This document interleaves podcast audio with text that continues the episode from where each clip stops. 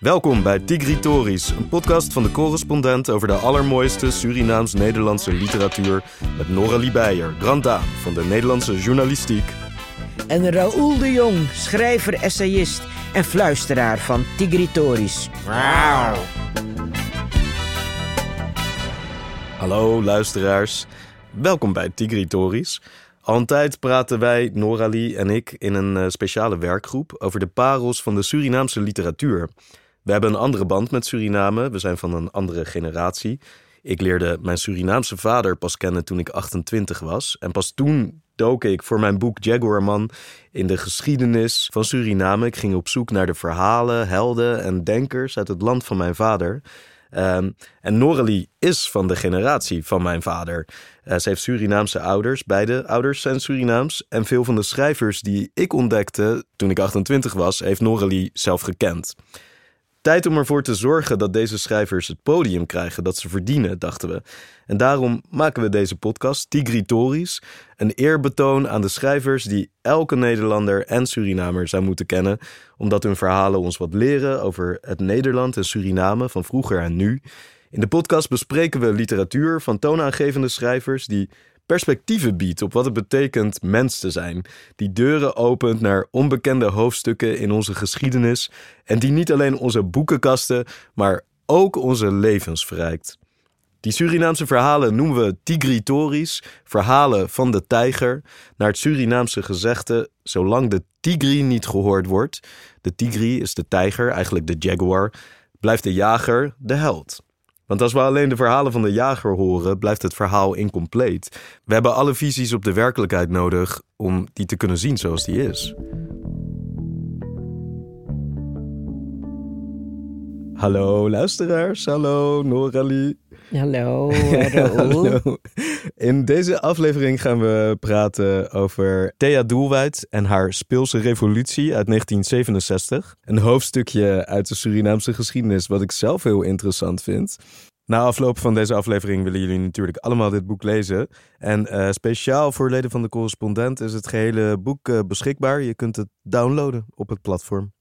In de vorige aflevering hebben we gesproken over Anton de Kom, die in 1934 bij Slaven van Suriname heeft geschreven, wat tijdens zijn leven maar één druk heeft gehad, maar dat een aantal jaar na zijn dood, in de jaren 60, is herontdekt in Nederland door Surinaamse studenten. Die hebben kopieën gemaakt van dat boek, die kopieën opgestuurd naar Suriname. En het mooie is dus dat dat toen van alles heeft veroorzaakt. Wat het veroorzaakte, uh, zover ik weet, was een soort speelse revolutie. Eigenlijk jonge mensen stonden op en die gingen zijn goede voorbeeld volgen. Ze gingen op zoek naar andere helden, zoals Anton de Kom, andere schrijvers die ook dingen hadden geschreven die waren vergeten. En ze gingen zelf gedichten schrijven, zelf boekjes uitgeven, toneelstukken, liedjes. Het was denk ik, deze speelse revolutie was een van de dingen die heeft geleid tot, uh, tot, uh, tot, tot die onafhankelijkheid. Ja, en die speelse revolutie, de naam ja. ervan. Ja. En komt... het idee ervan komt van Thea Doelwijd. Ja, precies. En wie is Thea Doelwijd? Thea Doelwijd is nou een van de belangrijkste mensen uit die speelse revolutie. Ze werd geboren in 1938 in Den Helder, Nederland, als dochter van een Surinaamse vader en een Nederlandse moeder. En ze is dat zelf gaan herontdekken, onder andere door naar Suriname te gaan. Uh, daar is ze gaan schrijven voor een krant. En in 1967 heeft ze toen een boekje uitgegeven getiteld De Speelse Revolutie, die eigenlijk een soort vooraankondiging was van alles wat de jaren daarna zou gaan gebeuren in Suriname. Ja, Toch zeg ik dat goed zo? Ja, dat klopt heel erg. Want zij was inderdaad van de stroming van mensen die het Nederlandse kolonialisme echt beu waren. Ja. En die inderdaad in navolging van Anton de Kom uh, wilden dat ook de geschiedenis vanuit zichzelf beschreven werd. Ja. Dat er ook gekeken werd hoe zij dachten over zichzelf, over hun eigen land, over hun eigen geschiedenis. En ik denk dat Thea Doelwijd daar heel veel toe heeft bijgedragen. Ja. Omdat zij ging speuren en ging graven. En die speelse revolutie is daar dus één ding van. Ja. Maar daarnaast heeft Thea natuurlijk tig dingen gedaan. Ja. Uiteindelijk heeft ze zich vooral toegewijd tot theater en dan met name tot cabaret. Dus op een speelse manier mensen bewust laten kijken naar zichzelf Ja. en naar hun maatschappij. En zo dingen veranderen, hopelijk. Zo hoop je dingen te veranderen, want mensen lachen om zichzelf, Ja. maar tegelijkertijd is het ook wel van, oh ja, oh ja, dit kan eigenlijk niet. Ja, ik ken haar trouwens door een boekje wat ze heeft uitgegeven. Ik geloof in begin jaren zeventig. Een verzameling fragmenten uit het werk van op dat moment onbekende Surinaamse schrijvers. Die eigenlijk tegen de tijd dat ik het boekje las nog steeds onbekend waren voor mij in elk geval. Ja, en ik vond het zo mooi ook dat zij dus al in de jaren zeventig heeft gedaan. Wat wij nu hier aan het doen zijn eigenlijk. Die voorgangers een podium geven. Maar het mooie is dus dat dit is het eerste wat ze heeft uitgegeven. Dit boekje, De Speelse Revolutie in 1967. Geheel in eigen beheer. Geheel in eigen beheer, ja. En in dit boekje kondigt ze eigenlijk alles aan wat daarna zou gaan gebeuren. precies, ja. Ja, ja. ik vind het zelf ook heel leuk om hierover te praten, omdat het zo'n goed voorbeeld is van dat dat werk van Anton de Kom dus zin heeft gehad. Maar dat het zin heeft om boeken te schrijven.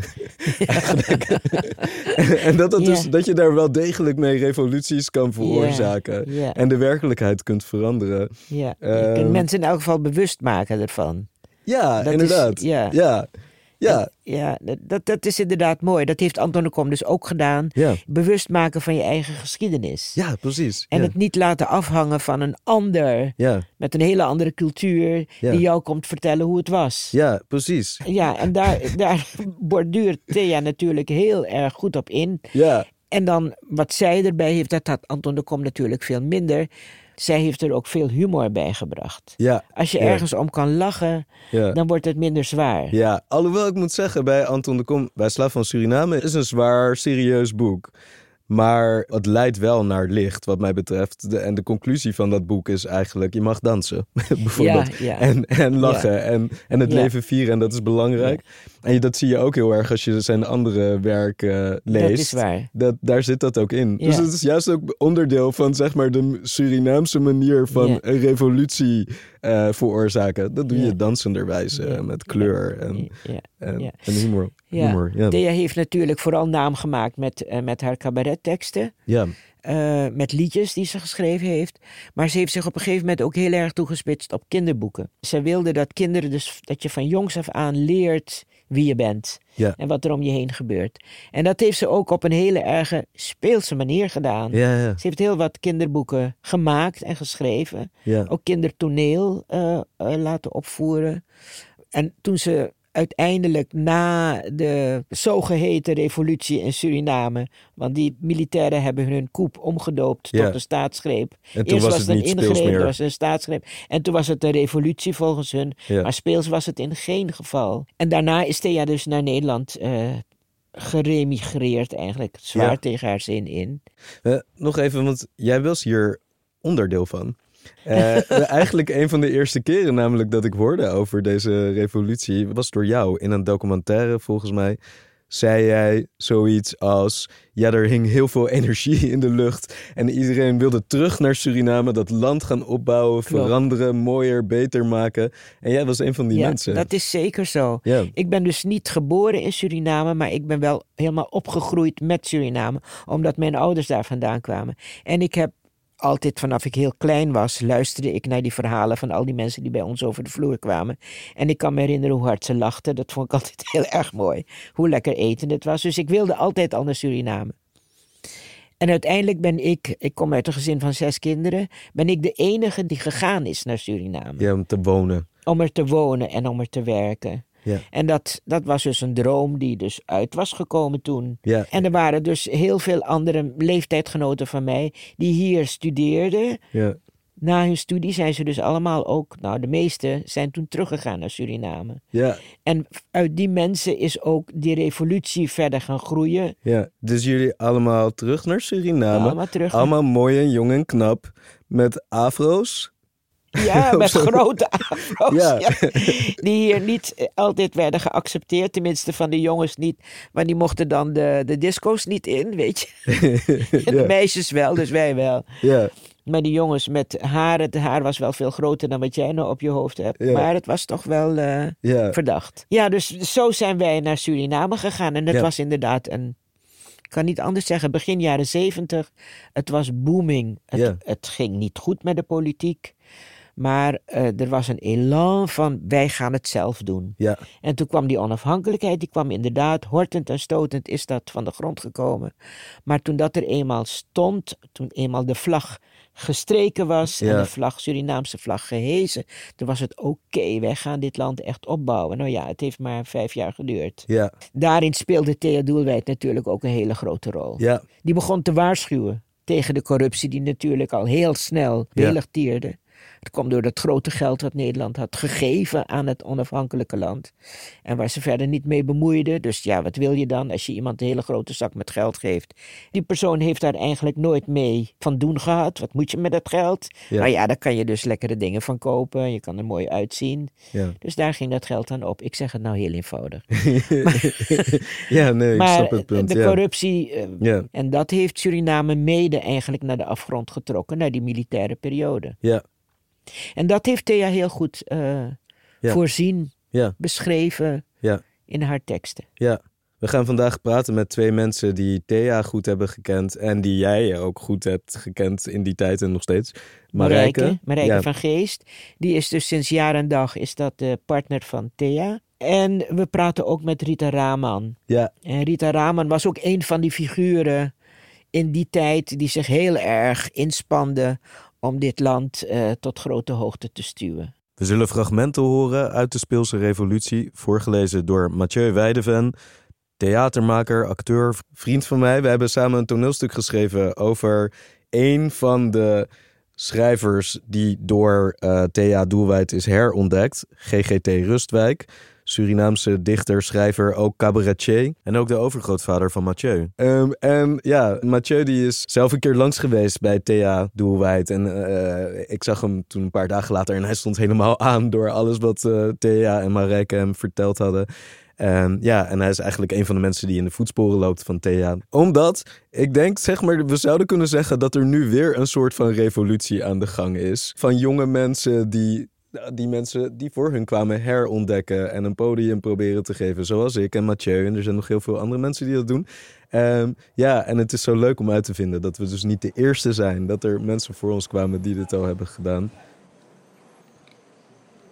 Die dag las iedereen het grote programma. Keek iedereen naar het grote programma. Hoorde iedereen van het grote programma. Het grote programma dat vele punten had. Onder andere deze. Doe het zelf. Doe het nu. Doe het voor uw land, dat gisteravond geheel het uwe werd. Doe het voor uzelf, kind van uw eigen land. Doe het voor alle kinderen van dit land. De grote projecten zullen worden behandeld in de grote kring, waarvoor u zelf na zes maanden vertegenwoordigers moet kiezen.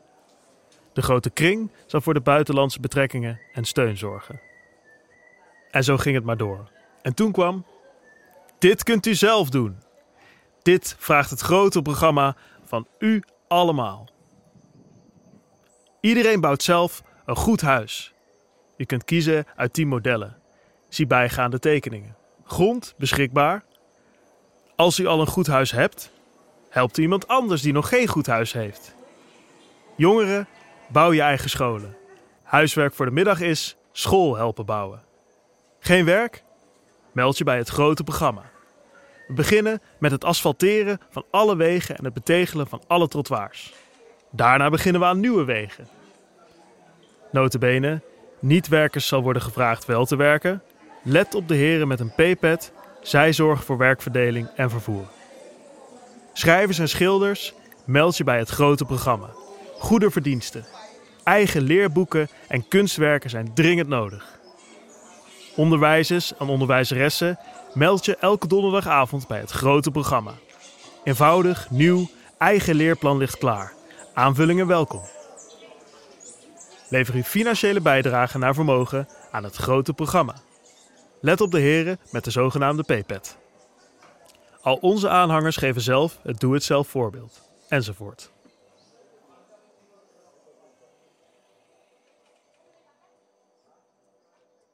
We gaan het vandaag hebben over Thea Doelwijd en haar Speelse Revolutie uit 1967. We spreken over dit boek en over Thea Doelwijd zelf, met twee mensen die haar heel goed kennen en die weten welk enorm verhaal er achter dit boekje schuil gaat. Ik begin met Marijke van Geest, levensgezel van Thea. Ja, we wilden Thea er natuurlijk graag zelf bij hebben, maar... Thea is slechter been, dus dat wordt moeilijk en ze kan ook niet zo lang zitten. Dus dat zou een beetje een probleem zijn. Ja, maar niemand die beter weet en meer weet van Thea dan jij, omdat jullie al heel lang met elkaar zijn. Vertel even, hoe lang en hoe is het gekomen? Wel, Thea was al naar Suriname geweest en kwam terug in Nederland. En ik was in de Verenigde Staten geweest. Ik had daar een Montessori-school opgericht, maar Amerika beviel me niet. En ik kwam ook terug in Nederland. Onze ouders woonden allebei in Bloemendaal, dus wij kwamen weer in Bloemendaal terecht. Dat was in 1964. En toen ontmoetten we elkaar bij gezamenlijke vrienden. En Thea was daar met een vriendje en zat een prachtige sportauto. Maar er klikte iets tussen Thea en mij. En we hebben dat vriendje op de trein gezet. En wij zijn met die mooie sportwagen het Bloemendaalse bos ingereden. En daar zijn we gewoon gaan vrijen. en toen werd er op het raampje van die auto geklopt. En Thea draaide het raampje open en daar stonden twee agenten. En die waren verbijsterd. Maar dames, wat doet u nu? nou, toen moesten wij erg lachen, die agenten ook. En vanaf die tijd was het aan. En het is al heel wat jaren. En dat is eh, 12 april 1965 ben ik naar Suriname gekomen. En sinds die tijd wonen we samen. Dus dat is volgend jaar 57 jaar. Wauw. Wauw, dat doen we je graag na natuurlijk. Ja. Oké. uh, en dan hebben we Rita Ducci, Raman. We zijn een verre familie van elkaar. Ja, en voor mij ben jij zelf een soort Surinaamse held. Je bent schrijver, revolutionair, zo noemt een vriend van mij jou altijd. Voormalig ambassadeur van Nederland in Tunesië, op Malta en in Santo Domingo. Ja, en samen met Thea was jij eigenlijk onderdeel van een soort culturele revolutie die in de jaren zeventig in, uh, in Suriname heeft plaatsgevonden, toch? Ja, dat klopt. Het begon eigenlijk allemaal rond 1969 toen voor het eerst door stakingen de regering Pengel naar huis moest. En vanaf dat moment is er een hele ontwikkeling geweest in cabaret, in uh, radiohoorspelen, schrijvers die elkaar ontmoeten. En het ging eigenlijk altijd over een positieve verandering. Suriname onafhankelijk, Suriname op eigen kracht zich verder ontwikkelen tegen armoede. Ja, Thea is in Nederland geboren, had een Nederlandse moeder, uh, Surinaamse vader, toch? En in 1961 is ze voor het eerst naar Suriname gegaan. Volgens mij om, uh, om te blijven meteen, was het idee. De, en waarom, uh, waarom heeft ze die keuze gemaakt toen? Zij voelde zich niet thuis in Nederland. Dan moet ik erbij zeggen, ze woonde in Bloemendaal. Als ze nou in Amsterdam had gewoond, was het misschien nog een beetje anders geweest. Maar in Bloemendaal was een zeer bekakt dorp, waar alleen maar witte mensen wonen. En zij voelde zich daar niet thuis. Ze wist, ja, ze had kroeshaar. En dat kon men niet knippen daar. Dus dat haar groeide, groeide, groeide. En ze werd voortdurend voor neger uitgescholden. En ze voelde zich dus helemaal niet thuis daar. En toen ze haar journalistenopleiding had afgerond, toen heeft ze geschreven naar een krant in Suriname, dat was Dagblad Suriname, naar Percy Wijngaarden. En Percy noemde haar een deus ex machina. Eindelijk iemand met een echte opleiding die naar Suriname wil komen. Dus ze is toen onmiddellijk gegaan. Ze werd met open armen ontvangen. En ze heeft een heerlijke tijd bij de krant gehad. Zouden jullie iets kunnen vertellen over de situatie in 1961 in Suriname? Want ik denk, Thea kwam daar aan en zij moet hebben gezien ook dat er ruimte was voor verbetering. Afgaande op dat eerste boekje wat zij heeft geschreven in 1967, de Speelse Revolutie. Ja, hoe, hoe was de situatie op dat moment in Suriname, politiek en, en... Nou, ik zou wel wat willen vertellen vanaf 64. Ja. Want die Egisani is toen opgericht en die schrijversgroep. Ja. Mensen als Venetiaan waren net teruggekomen. En wie Egisani, dat Ja. betekende ons eigen Ons ding. eigen ding. Ja. Ja. En Je had een groep van schrijvers. Ik ben er ook een paar keer geweest en mij riepen ze, noemden ze dan zusje, want ik was eigenlijk nog een ukkie die daar langskwam. Want jij hebt ooit gezegd in een interview, Ja. het was alsof je in Suriname in een huis woonde waarin alle ramen gesloten waren, behalve één raam. En als je daaruit keek, dan zag, je, zag Nederland. Nederland. Ja. En op, opeens was het zo alsof de andere ramen ook open gingen, Ja, toch? In die er tijd. Er werden pogingen gedaan om andere ramen open te krijgen. Ja, Bijvoorbeeld op de middelbare school mocht je voortaan. In plaats van eh, Frans kregen we nu Spaans les. Terwijl vroeger was het gewoon Duits en Frans. ja. En eh, werd dus steeds meer gezegd, we moesten aansluiting zoeken ook in de regio. Het was gewoon voor ons een tijd dat de wereld open ging. ja. Ja, wat ik ook heel mooi vind, is dat juist in deze tijd Thea die Speelse Revolutie heeft geschreven. Ja. Waar gaat dat over? Wat zegt ze daarin? Ze laat daarin duidelijk merken dat ze het niet eens is met de regeringen in Suriname en dat daar verandering in moet komen. En dat moet niet met wapens gaan en niet keihard, maar dat moet op een leuke manier gaan. Het moet speels zijn. En daar zit al haar cabaretachtige gevoel in. En de situatie is erg, maar je moet er ook om kunnen lachen. Maar er moet verandering komen. En dat was in 1967. Ja, ja. Lang voordat er werkelijk Voordat er naar de werkelijk- wapens is ja. gegrepen. ja. En waar moest precies verandering in komen?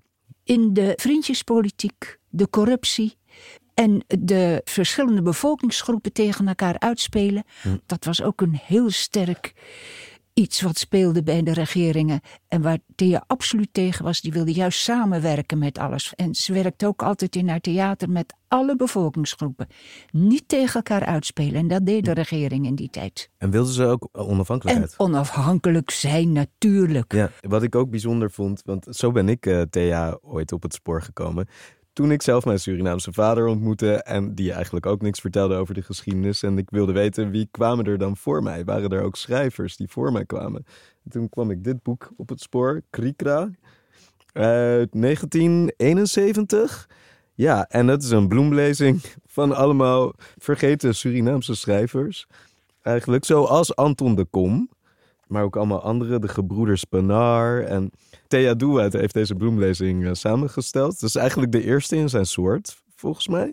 Ja, k- kun je dat nog herinneren, dat ze hieraan begon? En wa- waarom begon ze hieraan? Ik denk omdat ze inderdaad wilde laten zien dat Suriname belangrijke mensen heeft gehad. Ja, En dat het niet een volk van niks was. Er waren zeer belangrijke schrijvers, zoals inderdaad toch broeders Penaar, Papa Koenders, Sophie Redmond. Die hebben allemaal hun sporen verdiend in de Surinaamse literatuur en in de samenleving. En dat werd helemaal verdonkere maand. Het was allemaal Nederlands. ja. En dat, daar kon ze helemaal niet tegen. En was de boodschap van dit boek ergens ook? Wat zij konden, kunnen jullie ook. Precies. Ja. Wat wat ik mooi vond ook van dit eh, boekje, dit was bedoeld voor middelbare scholen. Toch? Dit werd. Klopt. Ja, Ja. ja. Want ze we lazen alleen maar Nederlandse schrijvers. Ja. Albert Helman met, met moeite. ja. Maar ja, verder moest je eh, Vondel lezen. Maar, Maar, goed, maar, Marijke, je gaf zelf les. Je gaf Nederlands. Uiteindelijk heb je ne- ben je Nederlands gaan doseren in Suriname. Wat deed je met de literatuur die Thea naar boven haalde? Ik bedoel, ik wil vragen, deden jullie dat samen? Ja, alles wat ze schreef heb ik altijd nagekeken voor het naar de drukkerij ging. We spraken er samen over. Ik gaf eventueel aanvulling of ik zei, nou, dat, nee. We deden het samen en ik heb ook altijd, ik gaf wel Nederlands, maar dat is Nederlandse taal. En Thea's boeken zijn vaak in het Nederlands geschreven, dus ik kon ze gewoon gebruiken. Geen enkel punt. ja. Ja, het was echt goed Nederlands geschreven. Daar zorgde je wel voor. Ja, precies, ja. Ja. Wat ik weet van eh, toen ik eindexamen deed Ja. op de AMS. ja. Wij moesten voor onze literatuurlijst, mochten we maximaal eh, vier Surinaamse schrijvers Ja. opvoeren op de lijst. En de rest werd eigenlijk gezegd uit die periode van de Nederlandse eh, literatuur. Uit die periode weer vijf. We moesten totaal 17 boeken doen en daarvan waren vier eh Suriname, mochten Surinaamse schrijvers Ja. zijn. Je zei net, er waren op de hele stapel van boeken die je moest lezen, er waren er maar vier van Surinaamse afkomst. Ja, ik weet niet, je moet me verbeteren als het niet zo is. Maar toch krijg ik dan direct het woord indoctrinatie in mijn hoofd. ja. Ja, nou, het was, eh, in de eerste plaats waren natuurlijk onze meeste leraren waren Nederlanders uit Nederland die die boeken, die Surinaamse boeken niet kenden, niet hadden gelezen. Ik denk dat haar ja, oppositie was daarin anders. Ja. Dus die zeiden gewoon van ja, je gaat geen boeken op de lijst plaatsen die ik niet gelezen heb. Ja. Ja, dan zou ik zeggen, dan moet je ze lezen. Ja, Ja. ja. Ja. Nee, ik, ik gaf mijn eindexamenleerlingen nooit maar vier Surinaamse boeken. Ze mochten alles lezen wat ze wilden. Ja. Ik wil even aan Marijke vragen, want Thea maakte dit allemaal mee. Ze schreef erover in de krant. Maar ze ging toen ook volop in cabaretteksten. De mensen duidelijk maken wat er is gebeurd en waar ze voor moeten waken en zo. Uh, wat was nou, zeg maar, de eerste cabarettekst die hierop inspeelde? Kan je dat nog herinneren? Ik denk dat het Vrek was. Vrek en haar lach zijn de eerste eh cabaret die ze geschreven heeft. En er werd veel gemusiceerd ook. Maar het was ook tegen de bestaande regeringen. Ja, het ging tegen Pengel en tegen haar Lasman, die alsmaar tegen elkaar bleven strijden. En dat wilden ze niet. Ze moesten samenwerken. En dat was belangrijk. Dus daarom gingen ze daar cabaret over schrijven, cabaretteksten, waar mensen om moesten lachen. Maar je werd wel meteen met je neus op de feiten gedrukt. En dat was belangrijk. Want ze heeft het Doe-theater opgericht, toch? Ja. Een theatergezelschap. Het was een theatergezelschap. Eh, zij wilde de mensen die theater speelden, de spelers, wilden ze professionaliseren. Het moest professioneel worden en niet alleen een hobby, een amateur. En hoe zagen jullie de toekomst voor je op dat moment? Jullie waren allemaal heel hard aan het werk eigenlijk, met heel veel energie. Jullie schreven liedjes, teksten, boeken. Het was een droom dat Suriname onafhankelijk was geworden. Dus- Dus, dat was zo belangrijk. Ja, En dat was heerlijk. Eindelijk geen wingewest meer. ja, Want het was een wingewest. ja. Even een, een zelfstandig deel van het Koninkrijk der Nederlanden. Nou, dat wil je toch niet zijn? Ja, En dus eindelijk die onafhankelijkheid. Ik zat in het stadion. Ik, ja. 1975 gebeurde 1975, dit. Ja. dat was geweldig. Dus je was blij en overal liepen blije mensen rond. Ja, Het was een, een verademing. ja. Uit die tijd is Ja. Land te koop. Dat is natuurlijk heel beroemd geworden van Thea. Misschien kunnen we dat even horen, Jacco.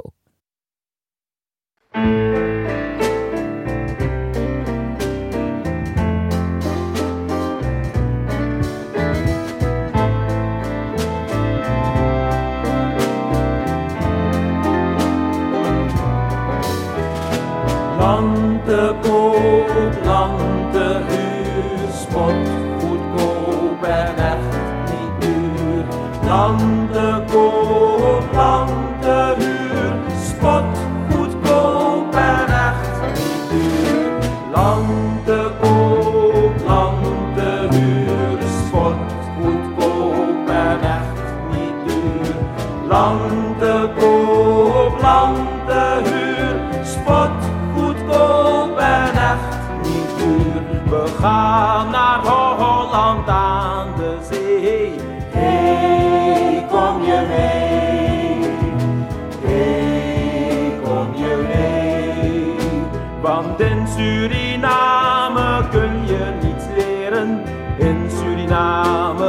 Suriname kan je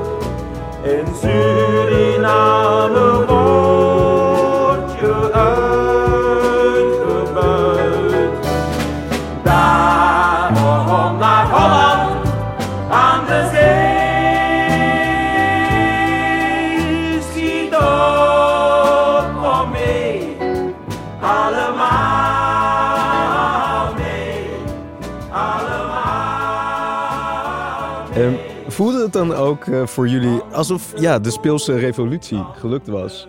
op dit moment dat jullie de onafhankelijkheid kregen? Was het alsof dat jullie onafhankelijkheid was die jullie voor elkaar hadden gekregen? Nee, nou, Met, ik- nee? nee, voor mij wel. Ja, Ja? ja? dat was echt eh, van, hè, hè, gelukkig. Het is gelukt. land is vrij, het is gelukt, ja. Ja. Ja, En, en voelde het dan alsof je het nu, alsof jullie het mochten gaan doen? Ja. Het land opbouwen en. Ik voelde dat niet zo. Nee. Omdat wij een jaar lang een campagne hebben gevoerd voor wat we noemden Nationaal Beraad. Voor de voorbereiding van de onafhankelijkheid. Omdat vanaf het begin, doordat vooral de VHP, maar eigenlijk ook een gegeven moment de Javaanse partij, allemaal zich tegen de onafhankelijkheid keerden. En wij zeiden van de onafhankelijkheid is het begin. Het is een administratieve onafhankelijkheid die nog moet worden ingevuld, sociaal-economisch in het land. Ja. Maar we zeiden, het zal niet lukken als je niet wat samenwerking hebt. En toen hebben we dus daarom een nationaal beraad met de directeur van het museum, het Nationaal Museum. Die was bereid om voorzitter te zijn. Hebben we eigenlijk eh, verschillende groepen erbij gekregen. De, het comité Christelijke Kerken, de Hindoe-Moslimgemeenten, de Associatie van Advocaten. Het was eigenlijk een hele grote groep uit de samenleving. De dag dat het er was, heeft de regering Aron zich eigenlijk teruggetrokken. Dat ze, dat ze niet meer meededen. Terwijl wij zeiden, we moeten in een proces gaan van samen met elkaar. Want het was best een hele onplezierige situatie. Want elke dag brandden er gebouwen in het centrum van eh, Paramaribo. Het was, Ja, eh, het was niet alleen maar feest. het was helemaal geen feest. op Helemaal geen Er was feest. veel angst. Ja. Want eh, het, het parlement kwam niet bij elkaar. De grondwet was niet goedgekeurd. In de regering zelf waren drie van de coalitiepartners opgestapt. En de mensen, vooral jong VHP, die kwamen echt met stokken en weet ik wat de ja. stad in. En die stichtte brand. Dus wij zeiden, je kunt die onafhankelijkheid op die manier niet van de grond krijgen. Want dan zit bijvoorbeeld de Hindustaanse partij zei, als die Kriolen aan de macht blijven en we zijn onafhankelijk, gaan ze eigenlijk ons verder onderdrukken. Ze gaan je kinderen verkrachten. Er werd van alles en nog wat gezegd. Ja. Nee, en ja. daarom trokken mensen ook massaal richting eh, de Belmer Ja, Express. En daar is Ja. die eh, land te koop Land te natuurlijk een satire Ja. op, hè? Want Ja. moeten Creolen alleen aan de macht, moeten Creolen coolies haten, moeten alle Bakra Suriname verlaten. Ja. En wat wordt er van de boeroes verwacht? Ja, ja. Dat was wel heel Ja, duidelijk. ja, Ja, het ja. waren, ja. Ja, het is wel zo dat dat doetheater, dat staat dus in de traditie, je zei het al een beetje, van de doespelen. En wat was daar nou de, de kerngedachte van? Bij de doespelen, Bij die werd, doespelen, wat Thea dus overgenomen heeft in haar daar werd doetheater. kritiek geleverd op de slavenhouders. De doespelen, dat werd getolereerd door de slavenhouders, want dan waren ze tenminste even niet opstandig. En ze werden ook in het binnenland door de gevluchte Marons gespeeld. En er werd stevige kritiek geleverd op de slavenhouders. En dat wilde Thea ook, kritiek hebben. En dat kun je met dansen, je kunt het met muziek doen en met teksten. En zij schreef voor de teksten en de muziek, Harto enzovoort, die maakte de muziek. Maar het belangrijkste was kritiek. Nooit iets accepteren wat, je niet, wat niet goed is. En dat is het allerbelangrijkste. En dat is in de douchespelen komt dat ook zeer naar voren. En ook in de, in de eh, andere theaterspelen. Nooit iets accepteren wat niet goed is. En na de onafhankelijkheid, als ik het goed begrepen heb, werd eigenlijk de strijd: hoe ga je één land maken en één volk Ja, maken? En niet van dit verdeeld, al- zoals de, de, de Hollanders was de verdelen heerspolitiek. Ja, en nu en moest nu het moest het één. samen worden. Ja. welke verschillende groepen waren er allemaal? Nou, je had in principe in het begin alleen maar de Hollanders en de slaven. En dat waren, die waren de mensen uit Afrika. Maar toen werd de slavernij afgeschaft. En die plantages moesten wel blijven werken. Dus toen werden er contractarbeiders gehaald uit India, Indonesië, China. Ja, en dat waren, die moesten voor een zeer laag loontje, maar ze kregen een loontje, moesten ze heel zwaar werk doen op de plantages. En ze werden in barakken gehuisvest, Lelydorp. En dat was natuurlijk ellende. En de Nederlanders speelden die bevolkingsgroepen tegen elkaar uit. Ja. Want als ze een eenheid zouden vormen, dat zou gevaar opleveren. Ja, dan waren ze de meerderheid. Dan waren ze ver in de meerderheid, dus uit elkaar, tegen elkaar op. Zeggen dat die niet te vertrouwen zijn. En die verkrachten je vrouw. En die, oh, die denken alleen maar aan geld. Zo ging dat. Jawel, maar het Ja. was, er was ook gewoon fysiek-geografisch spreidingsbeleid. Ja. Je had kampons van de Javanen. Je had waterschappen van de Hindustanen. En je had ook nog de wetgeving die volgens etnische lijnen was. Want je had de Hindoe-huwelijkswetgeving. Je had de Javaanse wetgeving. En er was ook nog een wet die al vanaf de slavernij gold. Is dat bijvoorbeeld de blanke mocht niet met de zwarte trouwen. Dat was ook bij wet verboden. En er was ook nog één groep die we vaak vergeten. Dat waren de inheemse. En eh, die hebben eigenlijk zelf nog, terwijl de Afrikaanse slavernij al was begonnen, waren zij nog bezig met een guerrilla-oorlog tegen het koloniaal leger. En ze hebben nog vredesverdragen gehad toen er al slaven in Suriname waren ingevoerd uit. Afrika. Een gegeven moment was er een samenleving ontstaan waarin je dan aan de basis, de armsten, dat waren dan de in het binnenland gevluchte eh, De Marons en de Marons en de Indianen. Ja. Ja, En eh, in feite is het ook belangrijk voor de geschiedenis dat die inheemse hebben eigenlijk de Marons opgevangen. Daarom is het vrij uniek dat Suriname Marons kent en de meeste andere slavenkolonies eigenlijk niet. Omdat toen die mensen dus uit eh, ellende het bos invluchten, wachten hun daar gelukkig mensen die hun eigenlijk een beetje wegwijs hebben gemaakt. Maar wat er dan erg was, is dat toen in feite het algemeen kiesrecht kwam in Suriname. En er dus politieke partijen ook eh, mochten ontstaan. Toen kreeg je al onmiddellijk de partijvorming op basis van etniciteit. ja, Dus je kreeg de Creoolse partij, de Hindustaanse partij, Ja. de Javaanse partij. En dat is een van de problemen tot aan de dag van vandaag. Want Ja. daardoor hoeft een partij niet echt een programma te maken over sociaal-economische ontwikkeling, welvaart creëren of wat dan ook. En hoe gingen jullie dan proberen om van al deze mensen één volk te maken? Wat was het dan wat al deze mensen... Nou, dat deed Thea dus in het theater om iedereen te laten meespelen en met elkaar. Ja, De Creolen moesten ook Hindoestaans leren dansen. Iedereen moest Ja. de dingen van elkaar leren en heel goed luisteren, heel goed kijken naar elkaar. ja, En samenwerken, samenwerken, samenwerken. Dat was het allerbelangrijkste. ja. En in de jaren 75, 80 werden haar teksten ook. Ik bedoel, ze zijn als speels begonnen. Ze bleven speels, maar ze werden steeds kritischer, Steeds sarcastischer. Steeds kritischer. En de militaire coup was geweest. Het was nog rustig. En toen was men al bang, was Thea al bang, dat ja, mannen met een geweer, kan je dat wel helemaal vertrouwen. Dus ze heeft een stuk gemaakt, broer geweer. En ga alsjeblieft niet tekeer met je geweer. Hou het rustig, leg je geweer weg.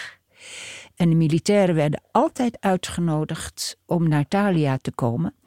En Thalia met- was dus de Thalia theater. was het theater waar Thea altijd speelde. En met Baouzi kwamen er minstens tien militairen met het geweer in hun hand, gingen op de eerste rij zitten. En ik stond echt met een vluchtauto klaar op het terrein achter Thalia. Als ze zouden gaan schieten, ik had ook aan Thea gezegd, onmiddellijk naar achter. Zij stond altijd achter het podium. Zo. Onmiddellijk naar achter en we rijden weg. En we zouden een gek wegrijden. En wie mee kon, die zouden we meenemen. Maar echt, het zijn soldaten die hebben alleen maar geleerd om te schieten. En daar waren we erg bang voor. Maar ze hebben niet geschoten toen. Dus ze hebben gewoon eh, ze met strakke gezichten. eh, ze vonden het niet zo leuk. Maar er is godzijdank niks gebeurd.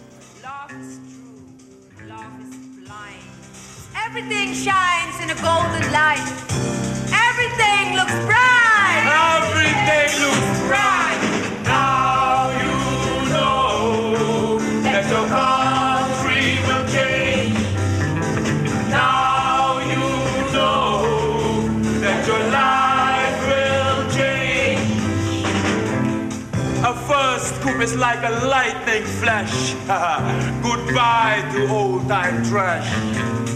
Your heart bursts out of expectation. What a sensation, total liberation, a total liberation. Nang adekati nang abribi, nang ahoku nang awari. Misako, misako.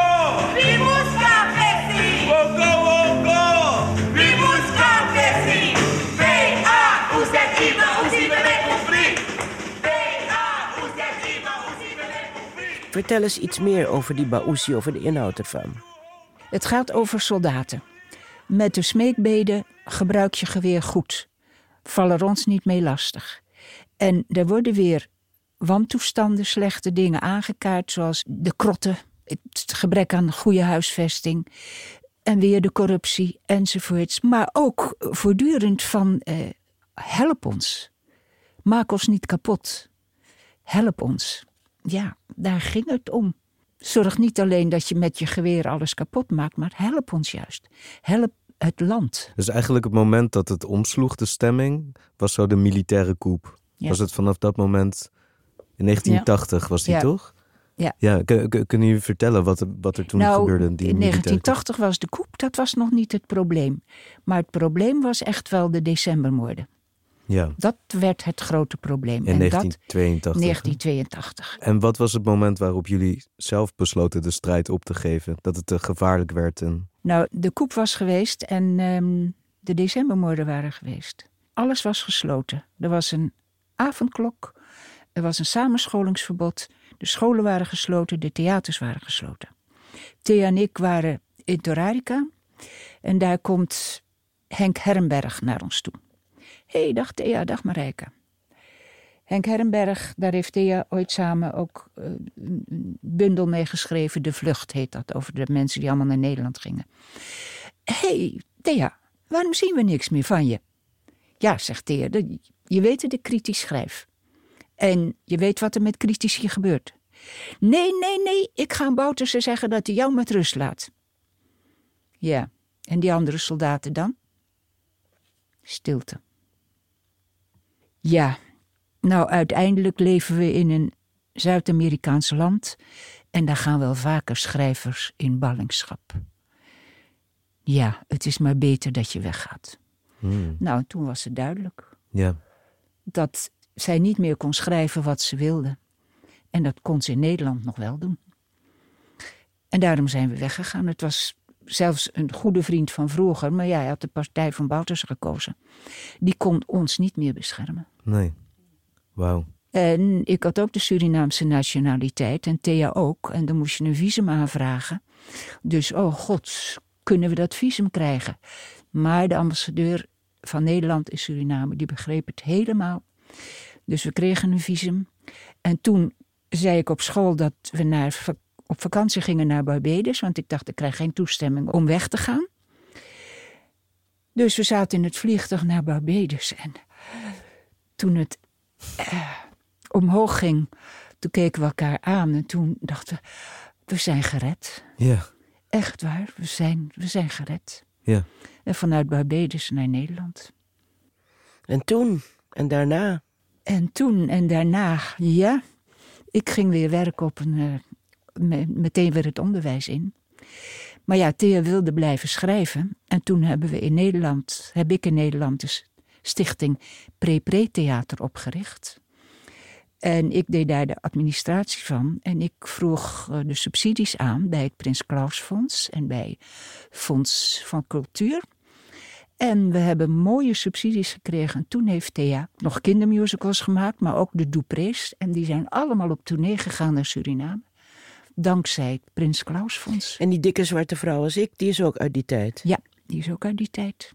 Blijkbaar is daar een registratie van geweest die is uitgezonden door de VPRO in de jaren negentig. Dat zou heel goed kunnen. Ja, Ja. en wat ik heel interessant vond, dat begint met een introductie, uitgesproken door Thea zelf. En die vertelt dan, ja, als je in Nederland over Surinaamse dingen praat, dan komt dat op het plankje allochtoon.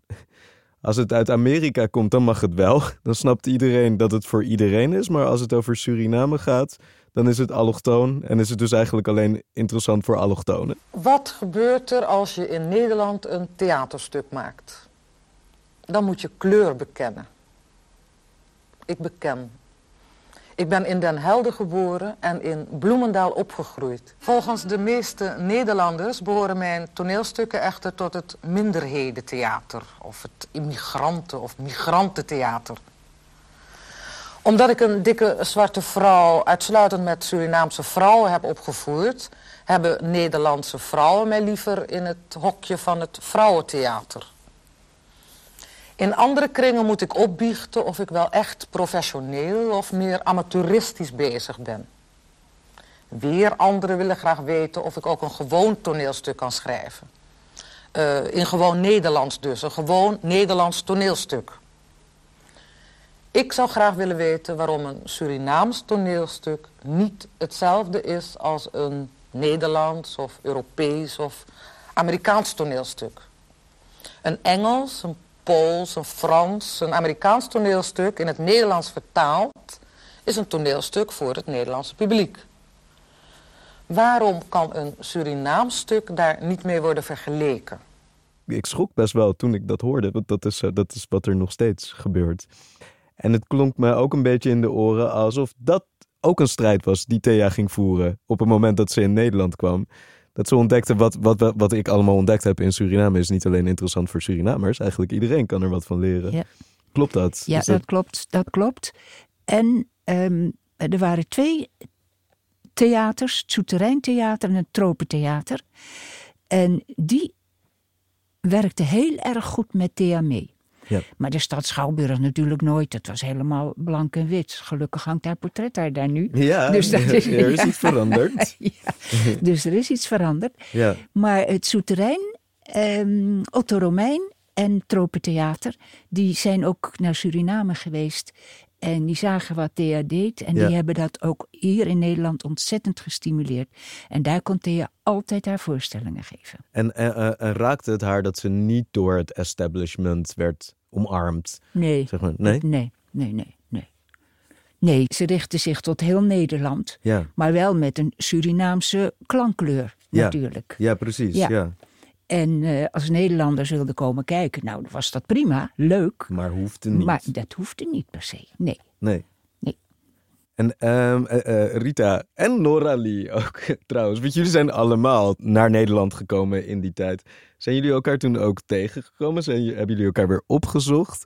Hoe ging dat? Ja, of waren jullie allemaal eilandjes hier? Nou, we kwamen elkaar in ieder geval altijd tegen op de 8 december Ja. herdenking. Ja. ja. Is er, is er bitterheid in het spel gekomen nadat jullie uit Suriname weg moesten gaan?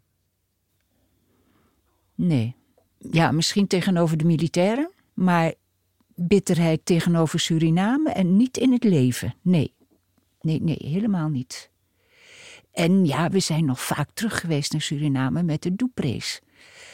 Dus dan, dat was weer een verademing natuurlijk. Ben ik ook nog benieuwd. Wat zou jullie advies zijn aan jonge mensen nu? Mensen die het nu mogen gaan zeggen hoe het wordt. Eh, Ken je geschiedenis. Denk aan jezelf, maar niet te veel. Denk ook aan andere mensen. Kijk goed om je heen. Help waar je kunt helpen. Let op de kinderen. Zorg dat je kinderen naar goede scholen gaan. En blijven lezen. mhm. Ja, ja, dat is een, prachtig eind. Ja. ja. Ja. Ja, en Rita nog. Ja, ik denk vooral, er is nu een hele generatie ook van Surinamers die hier zijn groot geworden, jongeren. Ja. Ik denk dat je we op de een of andere manier, als er een mogelijkheid is om weer een verbinding te leggen met jongeren in Suriname, dat zou ik het liefst zien gebeuren. En wat niet betekent dat de jongeren hier terug moeten, maar ze zouden wel met elkaar kunnen samenwerken. En zij zouden de ruimte die zij hebben gehad vanwege hun zijn hier moeten kunnen delen met eh, dus de, de capaciteit die ze hebben ontwikkeld en expertise een beetje delen met Suriname. Want in principe is in Suriname toch ook een proces ontstaan na de decembermoorden van het een beetje afgesloten weer raken, in een isolement een beetje raken weer Ja. van Ja. Suriname. Ja. ja. Maar tegelijkertijd lijkt het wel alsof jonge mensen nu weer, net zoals jullie Ja, toen. ze willen het weten. Ja, precies. Ze zijn Ja. mondiger eh, en ze zijn zich aan het verdiepen in het verleden. Toch? Er zijn wel dingen weer aan het Ja. veranderen. Maar er is nog een hele grote groep die dat niet heeft. Nee. Oké, laatste Ja. dingetje nog. Ik hoop dat jullie je ook omarmd voelen. Zoals jullie, zeg maar die mensen die voor jullie kwamen omarmd hebben. Hoop ik dat dat ook gebeurt nu. Dat jullie ook weer omarmd worden door de, door de jonge mensen nu. Dat hoop ik ook. Ja. Ja. Zeker. Nou, ik zit hier als vertegenwoordiger Ja, van de jonge mensen. Ja. Ehm, Oh, ja, maar het klopt. ja, Ja. Ja, misschien moet ik gewoon zeggen, dank jullie wel. Dat Ja. is het eigenlijk. Ja, echt. Dank jullie Ja, wel voor wat jullie allemaal dank, gedaan hebben. Ja. Ja. Ja, ja. Bedankt voor het luisteren naar Tigritories. Dit was een podcast van De Correspondent. Regie en productie Jacco Prantel. Projectmanagement Edivania Lopez Duarte. Onderzoek Vera Mulder. Eindredactie Jelena Barisic en Anna Vossers. Coördinatie en redactie Maaike Goslinga. Vormgeving Luca van Diepen.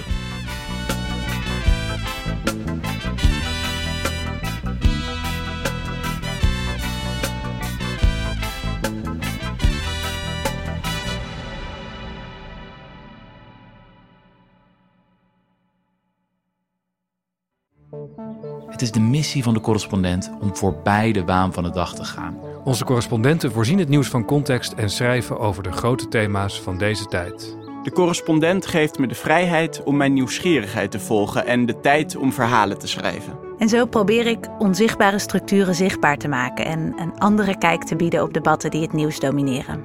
Dan gaat het minder over het spelletje en veel meer over wat er op het spel staat. Vanaf dag 1 zijn onze artikelen, boeken en podcasts gefinancierd door onze leden. Volg ons op onze journalistieke zoektocht. Overweeg eens lid te worden van de correspondent. En maak daarmee samen met ruim 70.000 anderen onze onafhankelijke journalistiek mogelijk. Dus word lid van de correspondent. Ja. Word lid. Word lid.